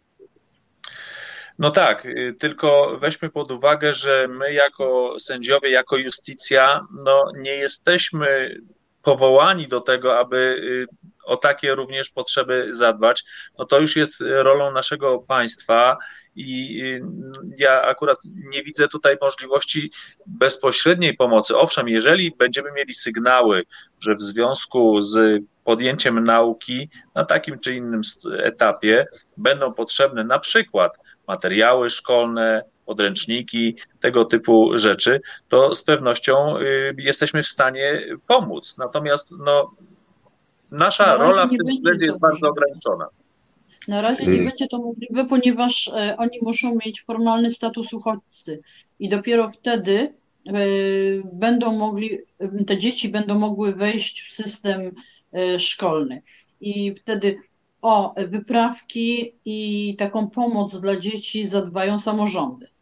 To, to jest pewne. Natomiast w tej chwili te dzieci nie mają, nie mają określonego statusu. No Natomiast, tak, tak, tak. Natomiast niezależnie od dzieci, tak naprawdę no, jest też potrzeba, e, to są osoby, które bardzo szybko adaptują się do nowych warunków i ja myślę, że dla każdych, e, każdej z osób, która nie zna wystarczająco dobrze angielskiego, e, to na pewno dosyć dużym zainteresowaniem będzie się cieszyła nauka chociażby angielskiego, żeby w, w sposób tutaj taki niezależny móc funkcjonować. Ale tak, jeżeli chodzi o dzieci, to pamiętam, że były dostarczone im książki anglojęzyczne. Mm, także e, jakąś możliwość takiej samodzielnej edukacji e, mają. Przynajmniej no, dzieci... na etapie takim początkowym. Dzieci się błyskawicznie uczą języka. I na pewno wieku. będą też e, mogły uczestniczyć nawet w tej chwili w kursach języka angielskiego, bo Urząd do Spraw Uchodźców i Fundacja Ocalenie organizuje takie bezpłatne bezpłatne kursy języka polskiego, więc jeżeli ktoś ich poinformuje, że takie kursy są i gdzie mają się o to zwrócić, to mogą nawet na tym etapie e, już wziąć udział w nich. No dobrze, to teraz Krystyno, skoro mam tutaj Ciebie przy głosie, to co może zrobić prokurator czy Wasza organizacja, dla tych afgańskich prokuratorów, bo rozumiem, że prokuratorzy afgańscy, czy prokuratorki, można tak mówić, czy to jest, nie wypada? Tak, tak, tak. Można, dobrze, bo ja już się gubię w tych wszystkich nowych słowach, bo czasem one wyglądają jak zdrobnienia, a nie jak takie poważne tytuły. Ale dobrze, no to, to polskie prokuratorki czy polscy prokuratorzy mogą zrobić dla prokuratorek i prokuratorów afgańskich? Y, nasze stowarzyszenie, idąc za przykładem justycji, organizuje zbiórkę pieniężną z przeznaczeniem na zakup najpotrzebniejszych rzeczy i jednocześnie już organizujemy zbiórkę rzeczy dla dzieci, bo to, to będzie bardzo potrzebne i zabawek. Mamy już e, zabezpieczone rzeczy, także czekamy tylko na sygnał, kiedy będzie można te, e, te rzeczy uruchomić. Natomiast chciałabym powiedzieć, ja jeszcze chcę wrócić do tego Marszu Tysiąca Tług, dlatego że ja z zazdrością słucham tego, co mówi Ula na temat kontaktów sędziów, sędziów polskich z sędziami europejskimi, bo nas, prokuratorów w Stowarzyszeniu Lex Super Omnia jest tylko 250.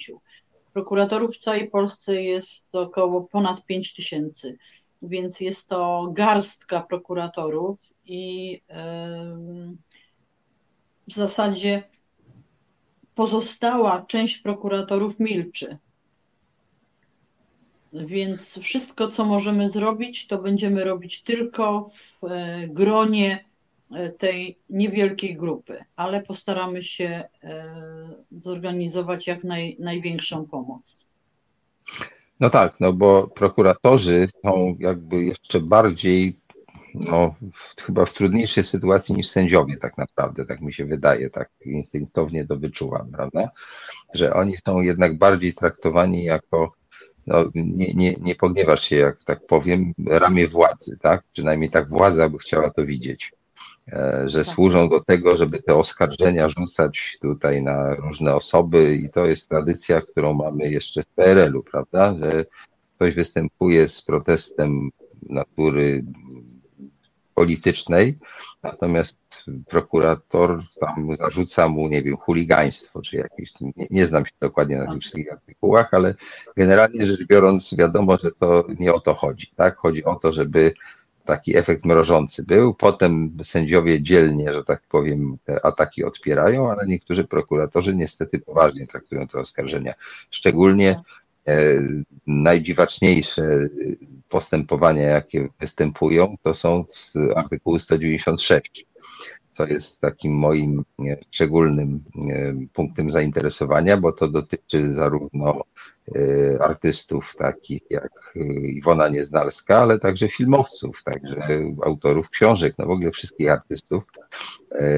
Nasza kultura opiera się przecież w dużej mierze na tym dziedzictwie katolickim czy chrześcijańskim i w zasadzie trudno bez tego jak gdyby o pewnych tematach rozmawiać, tak? A ten artykuł jest często używany, do, no jakby to powiedzieć, do zastraszania ludzi po, zwyczajnie. Ciekawym tak? artykułem jest też artykuł 261 znieważenia pomnika.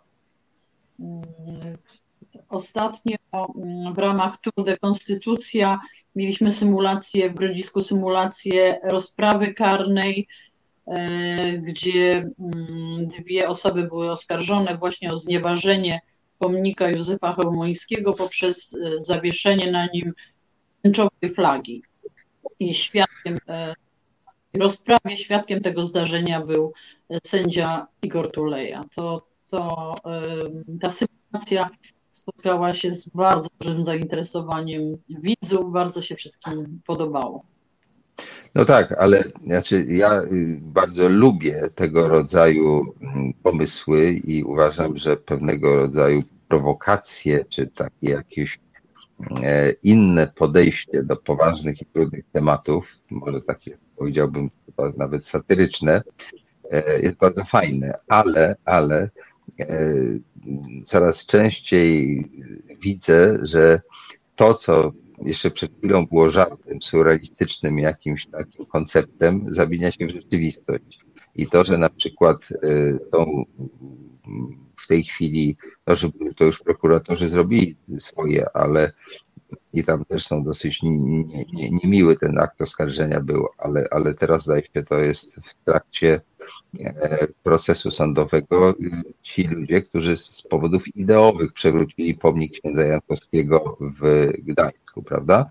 I pamiętam, że nawet podnosił adwokat taką sprawę, że dbali o to, żeby tego pomnika nie zniszczyć. I jak on upadł, to jeden z tych, e, którzy go przewracali, się ucieszył, że on upadł tak na te opony, że mu się nic nie stało, bo nie chodziło o to, żeby chuligaństwo coś zepsuć, tylko żeby pokazać, że ten pomnik w ogóle nie powinien tam stać, że może trafić do Kozłówki na przykład, prawda, tego Muzeum Socrealizmu, gdzie te takie figury typu ksiądz Jankowski pewnie też kiedyś znajdą swoje miejsce. No ale niestety tam prokuratura potraktowała to jako, już nie pamiętam jaki artykuł kodeksu karnego, zresztą nie jestem biegły w tych sprawach, a proces jest ewidentnie polityczny, tak? I że takie nie ruszajcie pomników, tutaj wszystko jednego, bo za chwilę to dojdzie do powiedzmy żądania usuwania pomników Jana Pawła II, tak? No bo powoli tak się odwraca ta sytuacja i, i, i te tysiąc pomników, które powstało, być może będzie też, e, tak jak to stało się w niektórych innych krajach, przedmiotem pewnego rodzaju kontestacji. E, no i tutaj rozumiem, że prokuratorzy są w bardzo trudnej sytuacji, bo e, są zachęcani czy, czy instruowani, żeby te paragrafy stosowne tam wyciągać w sądzie, a te, te akty oskarżenia czasem są kuriozalne. Ja nie jestem zwolennikiem niszczenia pomników, ale no w tym wypadku akurat sądzę, że, że w tym Jankowskim to chyba było bardzo takie, no, moralnie zasadne, tak bym to chyba określił. Nie wiem, czy się. Ale każdy z nas podpisuje się pod aktem oskarżenia i ten podpis zostaje i, i potomni będą, będą to widzieć. No tak. Ale ja jeśli, chciał, jeśli mógłbym, to chciałbym Proszę, proszę. A ja chciałbym wrócić do kwestii tej pomocy dla sędziów i prokuratorów afgańskich, bo uważam, że oprócz tej pomocy typowo materialnej, powinniśmy również mówić o ich sytuacji, o problemach ich kraju, również żeby to wybrzmiewało nie tylko u nas w kraju, ale również na arenie międzynarodowej taka niematerialna forma pomocy również uważam jest bardzo ważna i może uda się, żeby odniosła jakiś skutek. Ja się tutaj z Jarkiem całkowicie zgadzam, bo tak naprawdę ta pomoc materialna, którą my tutaj organizujemy, to jest y, tak naprawdę no, bardzo taki niewielki procent tych rzeczywistych potrzeb, które mają. Dla nich y, tutaj tych, którzy, y, którym udało się uciec, y, to problemem jest y, dostanie się do państwa, które ich zdaniem jest docelowe, w którym, o które ubiegają się o jakieś uzyskanie stałej wizy, stałego pobytu. Natomiast u tych, dla tych, którzy jeszcze pozostają w Afganistanie, otwartym cały czas jest problem pomocy im e, w ewentualnej jakiejś e, ewakuacji. Dlatego jeżeli tego tematu nie będziemy e, naświetlać, jeżeli o tym nie będziemy mówić, to tak naprawdę prędzej czy później ludzie o tym zapomną. I to jest zasadnicza kwestia, że nie chodzi tylko, że będziemy organizować jakieś nasze drobne zrzutki, żeby tutaj pomóc na bieżąco osobom, ale po to, żeby tak naprawdę pomóc tej większej części osób, która jeszcze jest e, i żeby to miało jakiś wymiar też szerszy. A uważam, że to jest o tyle istotne, że no, całkiem spora część społeczeństwa afgańskiego, a przede wszystkim kobiety sędziowie, uwierzyli nam, uwierzyli, że tak powiem, Zachodowi y, w to, że w ich kraju, w Afganistanie, można zbudować demokrację na nasz wzór. Oni nam uwierzyli. Oni poświęcili swoje życie w imię tych reguł, które my uważamy, że są dla nas istotne. Dla nas i dla wszystkich. Okazało się, że no, duża część tamtejszego społeczeństwa no, nie podziela takiej oceny, stąd też no, uważam, że jesteśmy winni tę pomoc tym, którzy właśnie nam uwierzyli. No tak, to jest w ogóle dosyć trudna sprawa, jeśli już wchodzimy w tę, dyskusję, e, dotycząca, jakby to powiedzieć, proponowania pewnych rozwiązań ustrojowych, czy systemów politycznych. E, bo sprawa Afganistanu jest sprawą, która się ciągnie już ze 100 lat. To nie jest coś nowego, prawda? Tam najpierw Anglicy byli, chyba Francuzi też tam się zaplątali jeśli się nie mylę. E, no potem e, była ta wojna, którą Breżniew rozpoczął, która chyba bardzo się przyczyniła do upadku Związku Radzieckiego, bo oni tam ugrzęźli w sposób straszliwy. No i Amerykanie do pewnego stopnia nie wyciągnęli z tego stosownej lekcji, bo zdaje się, że oni chyba wspierali talibów, jeśli się nie mylę. Pewnie jak ktoś poprawi, jak się zna dobrze na Afganistanie, ale nie, chyba talibowie byli e, tymi, którzy z Rosjanami walczyli, w związku z czym można domniemywać, że też Amerykanie im pomogli. No i ta inwazja e, NATO, w której zresztą Polska wzięła udział, prawda? Polscy żołnierze też tam ginęli. Wydawało się, że to ma sens i że to jest, tak jak mówiliście, niesienie tych wartości, no nie wiem, zachodnich, demokratycznych i tak dalej, i tak dalej. No ale no, dotykamy tutaj bardzo trudnej sprawy. E, I tu wychodzimy trochę, ale może warto, skoro spotkaliśmy się w tak zacnym gronie, żeby też e, przez chwilę się zastanowić nad tym, E, bo to dotyczy też w jakimś sensie Polski, tak? System taki demokratyczny według tego zachodniego wzorca, który doskonale działa, nie wiem, w Skandynawii, w Beneluxie, we Francji, w Hiszpanii i tak dalej. E, no, nie mówiąc już o Stanach, aczkolwiek w Stanach dziwne rzeczy się ostatnio działy. Widać, że ten kraj takiej wzorcowej demokracji też przeżywa swoje trudne chwile. No, czy rzeczywiście jest możliwe E, eksportowanie tego w taki sposób, żeby to działało. Bo jak patrzymy na te kraje, Irak, Afganistan, e, no, czy Wietnam, gdzie w ogóle to się nie udało kompletnie, tak, e, to ten model zachodni nie do końca działa. I ja się pewnie z Tobą jestem gotów, Jarku, zgodzić, że mm, w jakimś sensie tym ludziom, którzy zaufali, trzeba pomóc. Natomiast w ogóle to warto się zastanowić nad tym, e, y, jak nieść ten kaganek oświaty w takim poczuciu, że, że, że, że mamy rację, tak, i że my jesteśmy tą zachodnią cywilizacją cudującą, a się okazuje, że oni tego nie chcą.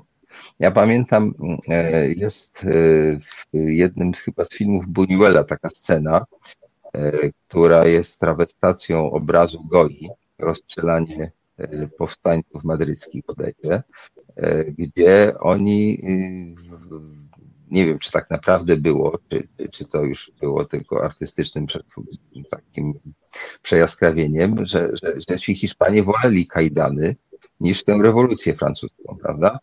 E, I to było za czasów Napoleona, tak? I Napoleon też ugrzązł w tej Hiszpanii w taki sposób dosyć nieprzyjemny, co trochę przypomina właśnie czy amerykańskie przygody z Afganistanem, czy, czy, czy rosyjskie. Więc to nie jest takie proste, e, to, to, to niesienie tych, tych wartości, tych zasad i e, do pewnego stopnia, jakby to powiedzieć, ja sam tego nie wiem, nie znam na, na Afganistanie, ale, ale to, to nie jest do końca tak. Ja nie chcę tu bronić talibów, żeby też było jasne.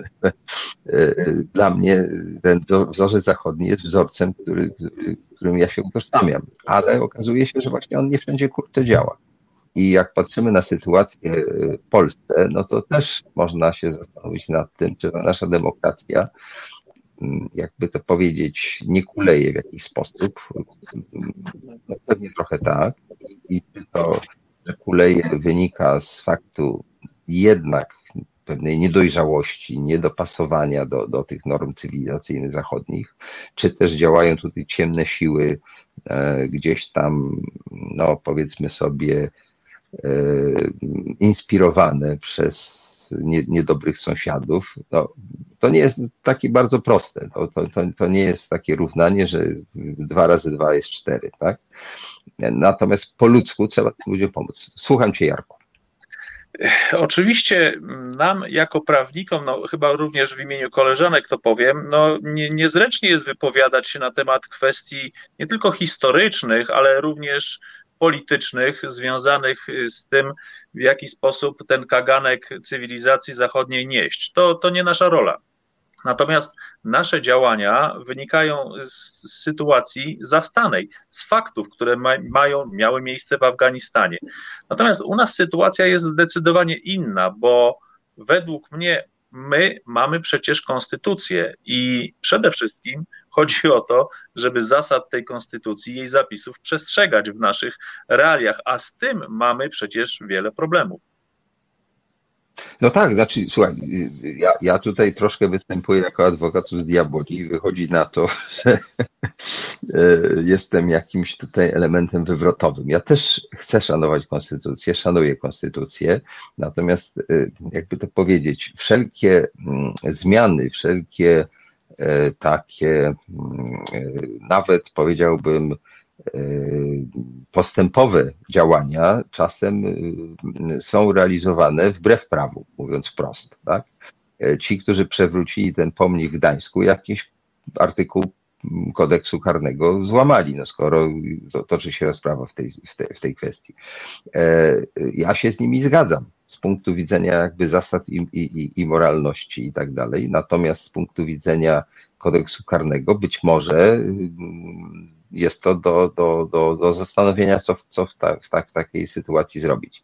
E, I gdyby przestrzegać prawa tak bardzo literalnie, to by rewolucja francuska, że tak powiem, nie mogła się odbyć, bo zcięcie króla Ludwika XVI chyba nie było zgodne z ówczesnym, że tak powiem, stanem prawnym we Francji i oni to prawo zmienili.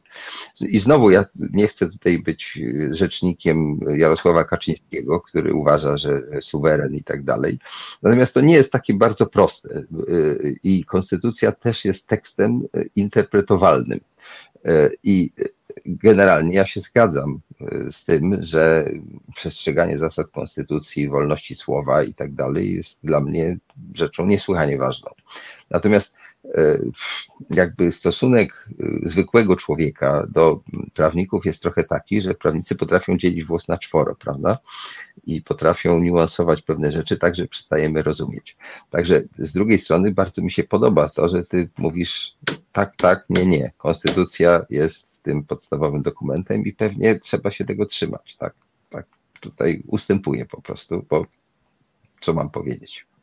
Dobrze, słuchajcie, to teraz tak. Zostało nam e, e, niewiele czasu, ale możemy sobie teraz pozwolić na takie e, futur, futurologiczne może nie, a, a, może po prostu takie mm, mówienie o tym, co w najbliższym czasie, najbliższych miesiącach i latach można zrobić. Mam tutaj okazję mm, gościć wybitnych przedstawicieli, przedstawicieli e, świata e, tego właśnie, z którym my się stykamy w sądzie, tak? sędzia i prokurator. To są te dwie podstawowe osoby, bo adwokat jest już takim trochę naszym człowiekiem. Adwokata się wynajmuje, prawda? Natomiast wy jesteście mm, tymi, którzy no, są tą taką władzą w jakimś sensie. No to co myślicie, co można zrobić, żeby było lepiej? Słucham. E, to rozumiem jest takie egzystencjalne pytanie. Czy... No, w, w, waszym zakresie, to... nie, nie, ja wiem, że wszyscy chcemy żyć długo, szczęśliwie, bogaci, być i zdrowi, ale tak już schodząc jakby na grunt polskiego sądownictwa, pomocy dla sędziów afgańskich i tak dalej. Trzymajmy no, no to, E, to myślę, że myślę, że ta przyszłość to by e, tutaj należało ją podzielić e, w tym zakresie na takie tematy, bo jeżeli chodzi o sędziów afgańskich, to już powiedzieliśmy tak naprawdę no mniej więcej jak widzimy tutaj te, te ścieżki, że z jednej strony to są osoby, które przebywają we własnym kraju, jeszcze niektórzy, e, i jest konieczność zapewnienia im jakiejś pomocy, uchronienia ich przed tym najgorszym scenariuszem. Z drugiej strony zapewnienie tym sędziom, którzy już są ewakuowani, tym sędziom i prokuratorom, którzy już są ewakuowani, możliwości jakiegoś godnego E, życia i bezpiecznego przede wszystkim, bo pamiętajmy, że to są w dalszym ciągu osoby, które są narażone na ogromne niebezpieczeństwo i możliwość zemsty ze strony strony talibów. Natomiast jeżeli chodzi o naszą sytuację, no tu należałoby wprowadzić przede wszystkim reformy, likwidację tych wszystkich ustaw, które zostały wprowadzone po 2015 roku, przereformowanie, począwszy od Krajowej Rady Sądownictwa i powołanie, e, jeżeli już to faktycznie dobrze funkcjonującego sądu dyscyplinarnego, a likwidację tej izby, e, znalezienie dobrego rozwiązania e, dotyczącego weryfikacji tych wszystkich osób, które zostały powołane w procedurze nominacyjnej z udziałem nowej Krajowej Rady Sądownictwa, tak aby uzdrowić sytuację, która teraz jest w polskim wymiarze sprawiedliwości, czyli pełną chaosu, braku przestrzegania prawa, braku respektowania orzeczeń Trybunałów y, Europejskich i Sądu Najwyższego. Ja może powiem tylko tyle, że mm, to, co dzieje się od około 2015 roku w sferze wymiaru sprawiedliwości, to nie jest reforma, to są zmiany, ale to nie jest reforma, bo reforma, jak to wynika z semantycznego znaczenia tego słowa, ma na celu poprawę funkcjonowania czegoś. Natomiast jak pokazują chociażby wszystkie statystyki, funkcjonowanie wymiaru sprawiedliwości z roku na rok niestety się pogarsza, co wskazuje jednoznacznie na to, że te cele wskazywane publicznie no, nie są realizowane i osiągane. No tak, to trochę jest tak, jak było w czasach, które ja pamiętam, bo już jako dorosły człowiek wtedy też żyłem w PRL-u, e, że władze nieustannie nam opowiadały o różnych rzeczach, które dla nas zrobią, a było zamiast coraz lepiej, coraz gorzej. E, więc coś tutaj jest na rzeczy i ja się zgadzam z tym, jako prosty uczestnik postępowań sądowych, że to jest coraz dłużej, coraz wolniej i coraz dziwaczniej. Natomiast, aha, nie zapytałem jeszcze pani prokurator, Krystyna. Właśnie. Ja uważam, że trzeba postawić na edukację. Edukację społeczeństwa, bo dojrzałe społeczeństwo to dojrzałe społeczeństwo spowoduje, że łatwiej będzie nam utrzymać demokrację, wszystkie zasady demokratyczne, ale chciałabym też mówić o edukacji prokuratorów, ponieważ ja często spotykam się z osobami, z prokuratorami, którzy mówią, że ich polityka nie interesuje, że nie interesuje ich nic, co się dzieje w wymiarze sprawiedliwości. Oni chcą po prostu spokojnie pracować i mieć spokój. I ja, ja nie godzę się z taką postawą. Ja cały czas mm, twierdzę, zarzucam im wierność, ponieważ no, mm, jeżeli się milczy, to znaczy, że daje się przyzwolenie na to, że jest źle, że, że, że mm, wygrywa zło. Y, I uważam, że w przyszłości niezbędne jest, y, niezbędne są merytoryczne rozliczenia prokuratorów, sędziów myślę też, ale to, to, to już e, justicja wie, jak to, jak to załatwić i weryfikacja prokuratorów. Ale nie będzie to łatwe, ponieważ te wszystkie, te wszystkie bezpieczniki e, demokracji zostały już e, zlikwidowane. I teraz, jeżeli będziemy chcieli wprowadzać reformę, czy od podstaw budować wymiar sprawiedliwości, to opór ze strony tych, których zweryfikowaliśmy, bo przecież nie wyrzucimy ich z zawodu. Możemy pozbawić ich stanowisk, ale będziemy przez cały czas mieć przed sobą ludzi, którzy, którzy nie będą się godzić na nasze działania. To samo, by, to samo nastąpi, zawsze następuje przy zmianie władzy. Jest duża grupa ludzi niezadowolonych z takiego stanu rzeczy trzeba będzie ich jakoś wyedukować, jakoś im wytłumaczyć, dlaczego to chcemy zrobić. To będzie bardzo trudne, najtrudniejsze chyba. Łatwiej jest przeprowadzić reformę niż e, tłumaczyć ludziom, dlaczego tak ma być i, i, i w zasadzie przeciągnąć ich na swoją stronę. No tak, ja się co do tej edukacji bardzo z Tobą zgadzam. I abstrahując od oceny zmian, które partia rządząca wprowadziła, z których wiele wydaje się, no, delikatnie mówiąc, dziwatnych, jeśli użyć tutaj eufemizmu, to jedna rzecz jest bardzo dobra. Mianowicie tacy ludzie jak ja nie interesowali się wymiarem sprawiedliwości, no chyba, że musieli iść do sądu, czego nikt z nas nie lubi. E, a ja teraz już wiem, co to jest ta Izba Dyscyplinarna, wiem, co to jest KRS, wiem, co to jest ten Sąd Najwyższy, jak się wybiera tego prezesa. Moja wiedza się tak wzbogaciła, że ja to wszystko zawdzięczam e, ministrowi sprawiedliwości i, i, i wicepremierowi Kaczyńskiemu, bo oni we dwóch tak jakby tutaj mi taką lekcję wielką dali. I myślę, że bardzo wiele osób e, ma taką wiedzę, której nigdy by nie posiedli, bo by nam się nie chciało, bo co nas to obchodziło, a teraz nas to obchodzi. Także chciałem podziękować, bo myślę, że i minister Ziobro, i prezes Kaczyński tutaj bardzo się przysłużyli do tego, żebyśmy się wyedukowali w tym zakresie i to jest ich niewątpliwa zasługa. Bardzo Państwu dziękuję za udział w dzisiejszej rozmowie. Mam nadzieję, że jeszcze będziecie chcieli zaszczycić kiedyś nasz program. Dziękuję naszym cierpliwym widzom i słuchaczom, że takie trudne zagadnienia wypełniły y, ten wieczór, a może posłuchają tego i będą to oglądali później. Dobranoc Państwu. Dziękujemy. Dziękujemy, dobranoc. Dobranoc.